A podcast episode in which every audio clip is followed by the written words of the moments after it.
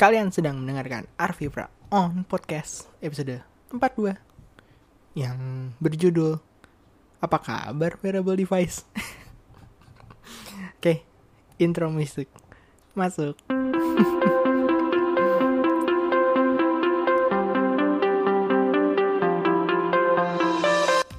Gila itu sebel banget gak sih nadanya? Apa kabar wearable device? Oke, eh, semua yang mendengarkan ini thanks. Udah dengerin hmm, 4 episode 42 ya beberapa episode lagi berarti. Fix satu tahun nggak nyangka. Hmm, buat kalian yang baru pertama kali dengerin jadi Arvi on, on podcast adalah sebuah podcast sebuah siniar yang membahas mengenai dunia gadget dan teknologi yang memberikan kalian info mengenai gadget dan teknologi. Eh, ya pokoknya sesuatu-satunya gue lah kayak gitu. Jadi eh, kenapa gue bikin ini? Jujur sebenarnya gue ada rencana pengen ada bukan ada rencana ada keinginan untuk bikin semacam tech tech youtuber tech reviewer dan segala macam. Cuman eh apa ya gue belum menemukan format yang oke eh, atau enggak menemukan formula yang pas buat ini. Jadi terus juga apa yang beberapa yang eh, semua gimana ya jadi semua teh rev- reviewer teh reviewer yang udah ada sekarang di Indonesia itu udah udah apa udah sesuai yang gue suka gitu. Jadi kayak gue nggak ada urgensi untuk membuat versi gue gitu. Kecuali kalau misalkan emang ternyata ada sesuatu satu dan lain hal yang kayak hmm kor reviewer reviewer kayak gini ya gue coba bikin versi guanya baru ntar.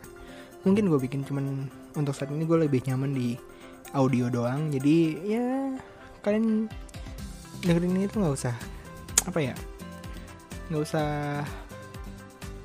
nggak usah apa ditongkrongin di depan di depan layar kaca gitu kalian kalian beraktivitas apa yang dia tugas kayak eh, nungguin servis motor kalian nungguin apa kalian lagi laundry atau apalah kalian lagi kerja atau apa ini bisa men- menemani eh, aktivitas kalian. Oke?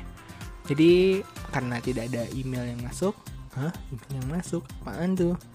Jadi gue membuka pertanyaan di email di kotak surat at kalian bisa nanya apa pun. Ya boleh. Eh, di luar gadget dan teknologi boleh. Kalau misalkan di dalamnya juga sebenarnya cukup apa ya hmm, gue lebih seneng eh bukan lebih seneng gue prefer kalian nanyain di gadget dan teknolo- teknologi kenapa? Karena itu adalah satu-satunya bidang yang gue bisa jawabnya dengan cukup yakin gitu. Sedangkan kalau misalkan yang lain gue nggak gue takut gue nggak bisa mempertanggungjawabkan kebenaran dan keabsahannya gitu. Ya ada gitu oke. Nah, karena nggak ada email yang masuk eh, kita langsung eh, ke berita. Oke jadi pertama ini ada dari Google yang minggu lalu mengadakan event Google Event mengumumkan beberapa device-device yang eh, apa ya ya yang dibuat oleh Google gitu kan. Yang pertama itu adalah Google Home. Eh, Google Home ini ada dua versi yaitu pertama Google Home Mini dengan harga kalau nggak salah kurang dari 50 dolar gitu. Pokoknya 50 dolaran lah. Gue lupa fixnya berapa cuman ini tuh versi kecilnya dari Google Home yang udah ada. Jadi kecil banget. Gue ngeliatnya tuh kayak bantal mini gitu loh. Kayak donat malahan. Seperti itu. Nah apa ya? Yang bisa kalian lakukan tuh sama persis sama apa yang uh, Google Home yang bisa lakukan itu kan. Seperti itu. Nah satu lagi device Google Home yang diluncurkan adalah Google Home Max. Nah tadi mini sekarang Max. Nah kalau Max ini dia juga tersedia eh, apa ya semacam Bluetooth speaker. Oh Bluetooth speaker? Kan Google Home juga sebenarnya udah bisa. Iya. Cuman ini speakernya tuh speaker apa ya pokoknya udah keren banget lah. Ada dua sub subwoofer terus empat empat tweeter kalau nggak salah buat si suara eh, frekuensi mid sama high-nya. Seperti itu. Jadi eh, terus juga bisa apa ya dia kan dibantu dengan machine learningnya Google sehingga dia tuh bisa menyesuaikan uh, bukan volume ya ya misalnya volume menyesuaikan dari volume panning kanan kiri terus apa lagi ya tone mungkin ya menyesuaikan ke di tempat dia disimpan gitu kalau misalnya kalian nyimpannya di ruangan yang terbuka dia bakal lebih keras kalau misalnya dia nyimpan di ruang tertutup dia bakal menyesuaikan volumenya seperti itu. Kayak gitu. Jadi dengan bantuan machine learningnya Google menciptakan uh, apa ya smart Bluetooth speaker mungkin ya seperti itulah. Kayak gitu. Terus yang kedua yang kedua itu ada ini Google Pixelbook jadi Google Pixelbook ini adalah sebuah laptop dengan Chrome OS yang di, uh, diberikan spesifikasi seperti RAM 16 GB, terus 512 512 GB NVMe dan prosesor Intel generasi ke-7 baik itu i7 ataupun i5. Pixelbook ini memiliki uh, layar sebesar 12,3 inci uh, yang pasti high resolution terus ini adalah laptop pertama yang hmm, apa ya di dalamnya tuh ada built-in Google Assistant. Bahkan saking built-innya lagi saking built-innya Google Assistant ini ada shortcut khusus untuk Google Assistant seperti itu. Jadi kalian kalau misalkan mau manggil Google Assistant tinggal tekan tombolnya aja. Kayak gitu. Si Pixelbook ini dijual mulai dari 999 dolar sampai 1649 US dollar. Tergantung spesifikasinya seperti itu. Lalu lanjut ke mana sih? Ah primadonanya ini yaitu Pixel 2 dan Pixel 2 XL jadi mengenai hoax Pixel Ultra eh Ultra Pixel ternyata uh, nama resminya adalah Pixel 2 dan Pixel 2 XL. Uh, dua-duanya menggunakan prosesor tercanggih Qualcomm ya, Snapdragon 835 dengan uh, RAM 4 GB. Terus juga ada pilihan storage-nya itu dari 64 dan 128 GB. Uh, kameranya sama, satu doang, 12,2 megapiksel uh, dengan laser dan 2 pixel face detection terus ada optical dan electronic image stabilization dan di kamera depannya Pixel punya uh, kamera beresolusi 8 megapiksel kamera. Uh, terus apa lagi ya? Uh, port yang digunakan USB-C nggak ada tiga setengah mm jack terus tidak ada wireless charging. Apa lagi ya? Uh, udah sih itu itu aja. Uh, Google menyebutkan menyebutkan bahwa Pixel 2 dan 2 Pixel 2 XL ini kameranya bisa menghasilkan uh, foto bokeh yang apa ya uh, bisa mengalahkan smartphone dengan menggunakan dual kamera yang wide tele dan apa pun lah seperti itu. Di mana Pixel 2 dan Pixel 2 XL ini hanya menggunakan satu kamera satu kamera. Semua itu dibantu oleh machine learningnya Google seperti itu. Jadi si machine learning ini dia bisa ya katakanlah dia bisa ngebedain mana yang mana yang objek mana yang background seperti itu nah saking sadisnya lagi ini Google Pixel baru di announce dan di DxOMark memberikan peringkat uh, pertama untuk kamera smartphone uh, abad ini gitu. jadi uh, Google Pixel dan Google Pixel 2 XL ini yang nggak tahu ding yang Pixel 2 dapat nggak ya pokoknya Pixel 2 XL tuh dia ini aja uh, apa sekarang tuh jadi peringkat pertama di DxOMark mengenai benchmark kamera seperti itu. Nah, yang membedakan dari Pixel 2 XL dan Pixel 2 itu apa? Jadi layarnya pertama layar pasti layar ya. Yang satu 5 inci dengan resolusi Full HD dan satu lagi 6 inci dengan resolusi uh, 1440p yang apa ya yang membedakan banget juga yang Pixel 2 itu menggunakan rasio 16 banding 9 seperti smartphone ala kadarnya sedangkan Pixel 2 XL menggunakan rasio 18 banding 9 yang uh, kalau gue sih ngebacanya sih dengan Pixel 2 XL menggunakan 18 banding 9 berarti Google mengiyakan bahwa hmm, rasio smartphone untuk ke depannya akan menggunakan 18 banding 9 seperti itu. Apalagi dengan adanya iPhone 10 ya nanti seperti itu. Terus juga ada perbedaan baterai dan lain-lain lah. Pixel 2 Pixel 2 XL ini bisa dibeli mulai tanggal Oktober mulai tanggal 19 Oktober di mana Pixel 2 paling murah itu dibanderol 649 US dollar sedangkan Pixel 2 XL dibanderol 849 dollar. Seperti itu.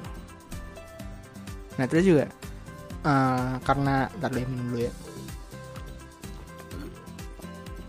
karena nggak ada apa namanya nggak ada tiga setengah mm jack juga mereka juga ngasih lihat aksesoris terbaru uh, untuk Google Pixel yaitu Pixel Buds. Itu kayak AirPodnya Apple. Cuman yang membedakan aja membedakannya adalah dia bisa uh, apa ya real time translate. Hmm, ya real time translate translate bahasa secara real time seperti itu. Jadi kalau misalkan kalian lagi keluar negeri kalian pakai pixel earbud. Kalian ngomong bahasa kalian aja ntar sama si pixel earbudnya diterimahin terus si orangnya bales balasannya masuk ke HP terus didengerin via earbudsnya itu seperti itu. Jadi namanya pixel buds ya seperti itu. Terus sisanya ada Google Clips yaitu kamera apa ya kamera action kali ya seperti itulah. Yang bisa ngambil foto wide dan lain-lain seperti itu. Gue juga nggak ngerti ini kenapa sih Google tumben-tumbenannya bikin gini-ginian sama uh, Google Daydream yang terbaru yang uh, menambah kenyamanan pada saat kalian mem, apa menjalankan konten VR seperti itu. Lalu berita kedua ada dari ini produsen HP lokal yaitu Gen Pro. Gen Pro ini anak perusahaannya dari Evercost kalau nggak salah. Ya sub brandnya dari Evercost. Baru aja tadi siang meluncurkan smartphone terbaru yaitu Gen Pro Z uh, menggunakan dual kamera, bisa bokeh-bokehan berarti. Terus dibanderol dengan harga di bawah 2 juta. Sadisnya tuh. Jadi kamera yang utama itu menggunakan resolusi 13 megapiksel dan kamera sekunder beresolusi 2 megapiksel. Terus prosesornya MediaTek MT6750T 1,5 GHz seperti itu. Terus apa lagi ya? RAM-nya 4 GB, storage-nya 32 GB, ada micro SD-nya sampai 128 GB. Ada fingerprint-nya di depan. Terus dibekali baterai sebesar 3000 mAh. Uh, untuk OS-nya Gen Pro Z ini mendija apa dikasih Android Nougat 7.0 tapi dari pihak si Gen Pro-nya bilang kalau misalkan Gen Pro Z nanti akan menerima update OS ke Android Oreo. Nah, harga normalnya 2,2 juta rupiah tapi dengan kerjasama di Lazada dan juga MediaTek Gen Pro Z dibanderol dengan harga 1,7 1,8 lah 1.799.000 melalui flash sale Lazada mulai minggu depan kalau nggak salah tanggal 14 apa ya? Tanggal 10 ya pokoknya tanggal-tanggal segitu lah kayak gitu. Jadi ini berarti meramaikan pasar dua kamera ya. Sades Terus berita kedua datang dari Windows di mana Windows 10 Mobile tidak akan ada fitur baru, tidak akan ada device baru, cuman ada bug fix ke depannya. Nah, ini uh, isu ini didapatkan dari Twitternya Joe Belfiore. Dia tuh kalau nggak salah yang itu loh, yang uh, biasa kalau misalkan presentasi Microsoft mengenai Windows Phone terutama biasanya dia yang melakukan keynote-nya gitu kan. Nah, di sini juga disebutkan kalau dia tuh Microsoft Corporate VP in the Operating System Group and the overseer of the Windows Experience Creation Team. Seperti itu. Dia nge-tweet uh, dia bilang seperti ini. Of course, we'll will continue to support the platform, bug fix, security updates, etc. But building new features, features or hardware aren't the focus. Seperti itu. Terus juga dilanjutkan lagi, we have tried very hard to incent app developers, paid money, wrote apps for them, but volume of user is too low for most companies to invest. Jadi berarti dia bilang karena apa ya rasio pengguna Windows Phone dibandingkan OS yang lainnya terlalu sedikit makanya tidak ada company yang mau invest mereka sehingga mereka nggak ada uh, modal untuk research and development berikutnya sehingga yang akan dilakukan hanyalah bug fix doang. Berarti ini ya berarti Windows 10 Mobile mungkin umurnya nggak lama lagi ya. Gila sih parah banget sih lu ngedoin gitu. Ya mau gimana lagi? HP-nya gitu sebenarnya Windows Windows 10 Mobile tuh bagus. Bagus banget. Sayangnya menurut gue sih harusnya bisa apa ya nemuin uh, benang merah antara Windows 10 Mobile sama Windows yang PC gitu kan. Entah itu. Masalahnya tuh fitur-fitur yang dijanjikan tuh apa nggak langsung direalisasikan. Kayak misalkan notificationnya. Ada synchronize notification, synchronize folder, terus synchronize setting dan segala macam.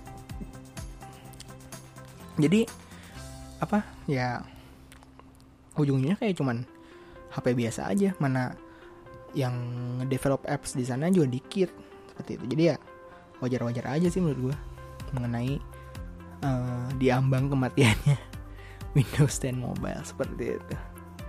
Ya gimana lagi sok? Coba.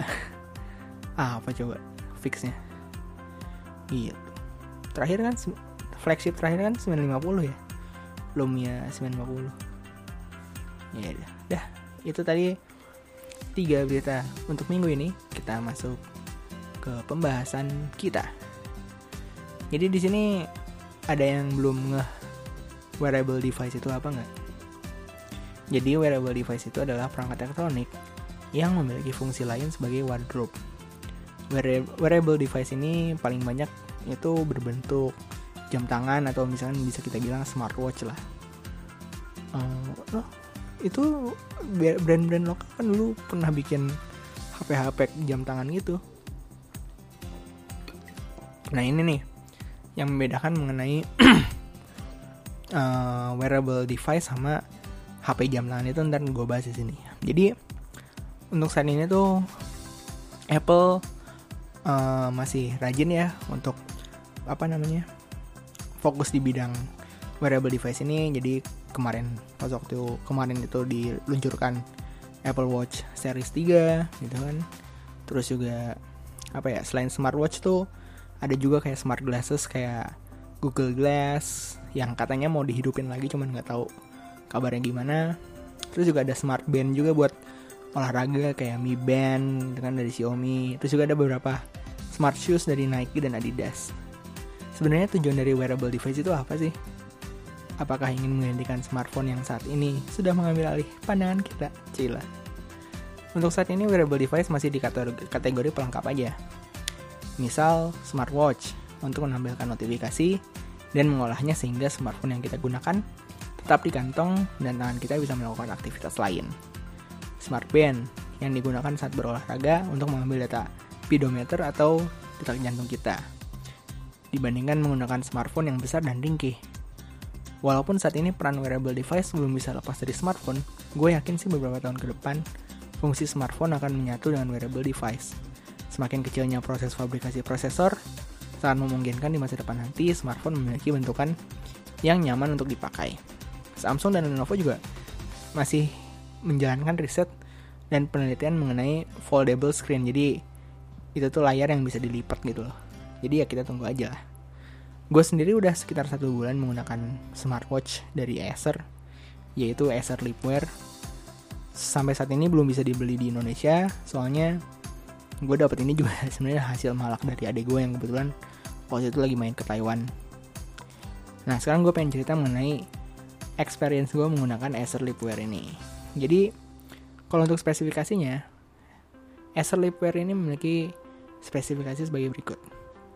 Ada sensor heart rate, sensor ultraviolet, MediaTek MT2523 dan MT2511 untuk biosensing, diameter 42 mm dengan ukuran screen 1,6 inci, Gorilla Glass SR Plus watch face, transflective LCD display, IPX7 water resistance, replaceable 20 mm bands, iOS and Android compatible side LED flashlight. Untuk paket penjualannya terdapat satu unit Acer Lipwear beserta bandnya. Uh, bandnya itu tuh ininya si apa? Si karet jamnya itu loh. Ya tau lah kalian ya. Terus dapat kabel charger juga dengan pin magnetik dan buku panduan. Sayangnya nggak disertakan kepala charger, jadi ya mungkin dia nganggapnya karena kita menggunakan ini dengan smartphone, jadi adanya smartphone berarti adanya charger, jadi kayak dia menyediakan kepala chargernya gitu kan. Nah, gue ngetes Acer Lipwear ini dengan menggunakan LG Nexus 5. Saat pertama kali digunakan, Acer Lipwear ini membutuhkan sinkronisasi ke smartphone. Tanpa sinkronisasi ini, Acer Lipwear akan stuck di layar berisi QR code yang mengirim kita ke link aplikasinya. Saran dari gue sih, scan QR code-nya aja menggunakan aplikasi yang kalian punya atau aplikasi kamera. Karena pas waktu gue coba search di Play Store itu cukup bingung membingungkan banyak hasilnya. Terus kayak pas waktu gue apa nyobain satu ternyata miss gitu. Bukan itu aplikasinya. Seperti itu. Jadi scan QR code-nya aja untuk aplikasi yang tepat. Begitu install aplikasi dan pairing uh, cukup mudah ya ya kayak pairing biasa lah. Ada pin code masukin pin code dan lain-lain. Nanti di aplikasinya tuh diberikan uh, apa ya si aplikasinya minta input seperti apa nentuin tinggi badan berat badan terus watch face yang ingin digunakan gitu kan seperti itu. Aplikasi Liquid Life yang diberikan juga sebenarnya cukup simple namun sayangnya nggak diberikan tutorial secara jelas tampilan utama aplikasinya merupakan summary data, kesehatan kita dari detak jantung, tinggi badan, berat badan, kondisi stres, speedometer, keadaan sinar UV pada hari itu, dan jumlah air yang kita minum. Untuk berat badan, terus tinggi badan dan jumlah air minum itu eh, harus diinput secara manual, jadi dia nggak nggak tiba-tiba otomatis deteksi gitu. Kalau misalnya kita uh tiba-tiba naik naik naik 50 kilo gitu. Nggak nggak tiba-tiba si jamnya bisa tahu gitu. Nggak kayak gitu. Harus diinput secara manual. Baik itu melalui aplikasi atau misalkan via lipware-nya. Gue baru bisa ngeset uh, notifikasi pada saat penggunaan di hari kedua. Karena itu pun gara-gara gue iseng lagi apa namanya uh, browse bukan browse apa ya ngutang hatik ngutang hatik aplikasi liquid live nya nah ternyata uh, pas waktu gue mencet summary device nya eh kebuka tuh apa pilihan untuk ngeset notifikasi gitu kan seperti itu. Nah, sama sekali nggak dikasih tahu kalau misalnya itu tuh untuk ngakses notifikasi tuh mencet itu tuh. Jadi dan gue nggak pun gue pun nggak tahu kalau misalnya itu bisa dipencet. Bisa diklik bisa di tap gitu kayak gitu. Nah di device settingnya tuh kita bisa ngeliat kondisi lipware kondisi baterai uh, jamnya nunjukin jam berapa gitu kan terus opsi untuk unpair mengganti clock face setting word clock pengaturan quick key yang bisa diganti sebagai shortcut ke musik, kamera, atau LED flashlight. Terus mengganti tema yang ada 5 warna pilihannya yaitu hijau, biru, pink, merah, dan jingga. Lalu setting notifikasi untuk mengatur aplikasi apa aja yang notifikasinya akan dikirim ke Lipware. Seperti itu. Jadi kalian nggak usah takut si Lipware ini kena spam karena dapat terus notifikasi dari HP kalian itu. Kalian bisa milih aplikasi apa aja yang si notifikasinya itu diteruskan ke Lipware seperti itu. Nah selanjutnya ada firmware version. Hingga saat ini Lipware gue udah dapat dua kali firmware update. Yang pertama adalah penambahan watch face dan peningkatan stabilitas dan yang kedua hanya peningkatan stabilitas saja. Firmware itu di-download via smartphone secara otomatis. Terus pas waktu ada firmware baru atau firmware-nya sudah ke-download akan ada pemberitahuan, eh, ini nih ada firmware baru nih. Uh, pasang dulu yuk ke smartwatch-nya gitu. Ya katakanlah kayak gitu lah. Nah, terus kalau misalnya kita klik ya, ntar mulai proses installing firmware yang baru. Prosesnya nggak nyampe 10 menit, tapi saran gue sih usahakan pas waktu pembaharuan firmware ini baterai pada smartphone dan lipware ini di atas 80% agar tidak terjadi yang tidak-tidak. Oke, nah, tadi kita ngebahas aplikasinya, sekarang kita ngebahas ke lipware-nya. Sejauh penggunaan gue sih cukup nyaman ya. Bandnya nggak bikin gatel atau itu iritasi gitu kan. Bagian plat metal untuk charging chargingnya juga nggak ganggu. Bezelnya dilindungi stainless steel dan sampai saat ini layarnya belum terlihat goresan kasar satupun. Untuk la tampilan layarnya itu cukup jelas pada saat mode, mode dim pada saat backlightnya nggak nyala ya. Uh, terutama di penggunaan dalam ruangan. Untuk penggunaan bawah matahari itu kadang harus menekan tombol backlight biar displaynya terlihat. Tapi di beberapa kasus juga si backlightnya itu aktif dengan sendirinya saat di bawah sinar matahari terus navigasi berjalan cukup uh, baik ya. Uh, nggak terlalu smooth. Ada kadang-kadang beberapa input yang dianya lemot gitu kan cuman nggak terlalu ganggu-ganggu banget. Uh, navigasinya tuh cukup simple.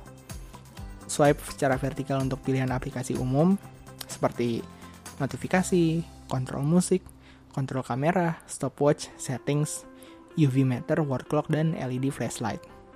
Lalu swipe secara horizontal untuk pilihan aplikasi beraktivitas seperti pedometer saat bersepeda, speedometer saat jalan kaki, heart rate monitor, dan uh, summary langkah langkah aktivitas kalian lah seperti itu. Cara Lipware mengolah notifikasi juga cukup baik. Kita bisa melihat bahwa ada beberapa notifikasi yang belum dibaca dan data yang diperlihatkan juga oke okay, gitu kan. Bisa di scroll, bisa kita bisa tahu ininya apa namanya isinya apa. Cuma sayangnya kita nggak bisa apa ya nggak bisa ngebal digunakan untuk ngebales chatnya atau memberikan reaksi ke notifikasi tersebut. Sehingga untuk apa ya memberikan reaksi ke notifikasi itu tuh harus ngambil smartphone lagi dan ujungnya pakai tangan lagi gitu seperti itu.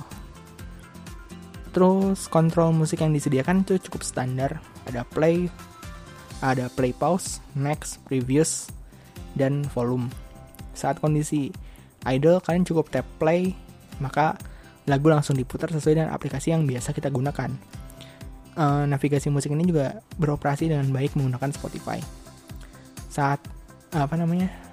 Pokoknya ini berguna banget kalau misalkan kalian lagi jalan jalan kaki gitu kan terus sambil dengerin musik posisi smartphone di kantong celana atau di HP gitu kan terus kebetulan lagu yang kepilih itu lagunya aduh kok lagu ini sih? gitu kan. Jadi aja keinget sama mm, gitu.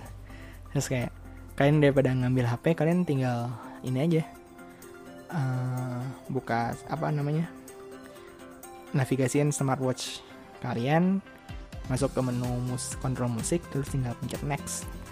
Si lagunya udah keganti secara seamless seperti itu uh, terus juga untuk menu kamera di smartwatch ini tuh bukan bukan dia bisa ngambil gambar kayak film-film apa film-film spy gitu ya bukan ya tapi si apa namanya si menu kamera ini tuh untuk jadi shutter button gitu loh.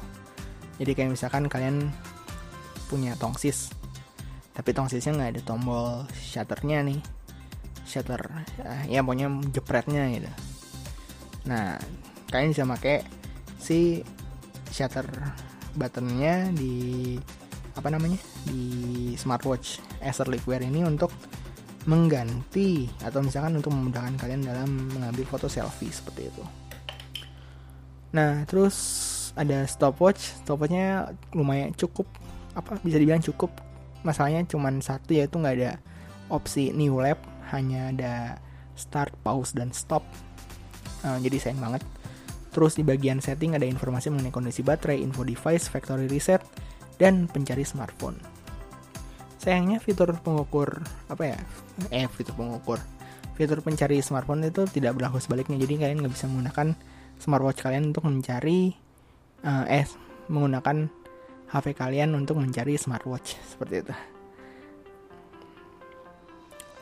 Terus juga ada pengukur sinar UV, word clock, dan LED flashlight dengan opsi full bright, half bright, sama SOS. Kalau SOS dia kedap-kedip gitu. Fitur aktivitasnya lumayan oke. Okay. Itu juga cukup akurat dan menampilkan jumlah langkah dan jarak. Sayangnya untuk heart rate monitor banyak banget uh, miss and match. Jadi data dari heart rate monitor ini juga bisa digunakan untuk menentukan apakah kita sedang stres atau sedang lelah. Seperti itu. Namun karena banyak pengukuran yang miss, gitu kan. Kadang-kadang gue pas waktu ngeliat kayak, oh ini anjir nih, uh, apa namanya, detak jantung gue kencang banget gitu kan. Padahal dalam kondisi biasa aja gitu seperti itu. Kayak gitu. Terus kadang-kadang gara-gara itu juga uh, banyak kasus di mana kayak gue lagi biasa aja tapi si jamnya tuh bilang kayak kita lagi stres itu padahal biasa aja atau yang ternyata beneran stres tapi kita nggak tahu ya pokoknya gitulah dari pemakaian satu bulan tuh baru berapa ya? Ya bisa dihitung jari lah yang bener. Tiga kali apa ya? Tiga kali si Lipware ini ngasih tahu kalau misalkan gue stres atau capek itu bener. Gitu. Tapi sisanya kebanyakan miss banget. Apa? Cuman blank shot doang. Gitu uh, terus juga lipware ini kalau misalnya kalian pakai wudhu nggak masalah karena sudah IPX7 dipakai tidur tuh nggak ganggu dan mengenai ketahanan baterainya ya menurut gue sih ini oke okay banget ya.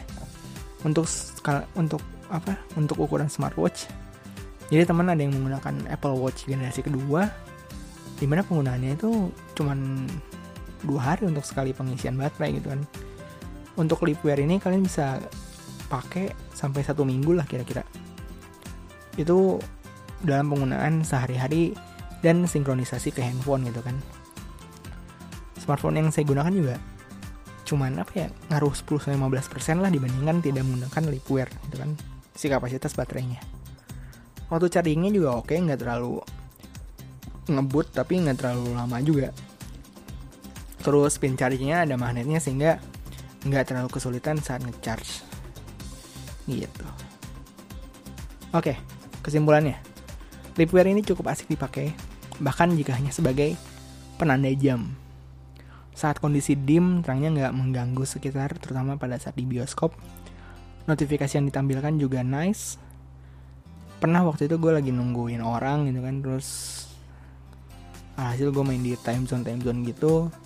Nah pas waktu lagi main tuh ada chat dari temen gue kalau misalnya temen gue udah nyampe gue cuman ngeliatin ngeliat chatnya set oh oke okay, berarti itu tandanya gue beres main gitu kan.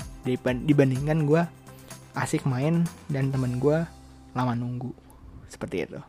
Akhirnya gue beresin permainannya dan gue menuju lokasi yang udah dijanjikan tanpa membuka HP sama sekali. Sungguh kekinian ya.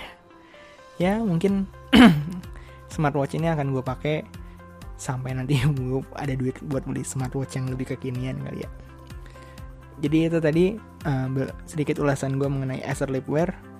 Kalian nggak bisa beli ini karena kalau nggak salah baru dijual di Taiwan dan US untuk pasar Eropa baru ada sekitar kuartal ketiga 2017 berarti harusnya udah mulai udah harusnya udah ada ya.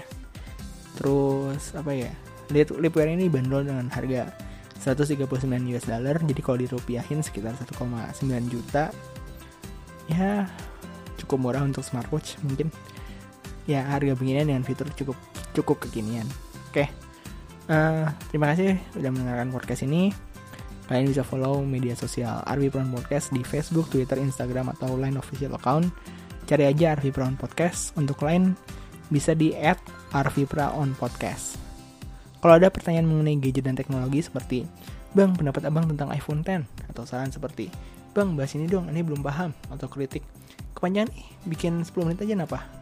Bisa melalui email di kotak surat at arvipra.my.id. Ada di deskripsi kalau kalian takut salah denger atau uh, takut salah ketik atau apalah gitu lah. Oke, okay, uh, eh, udah setengah jam. Sorry kalau misalkan ini enggak sih. Enggak, enggak sorry. Oke, itu aja. Sekali lagi, terima kasih banget udah dengerin ini. Semoga minggu kalian menyenangkan, temukan passion kalian dan jadilah yang terbaik. Dadah.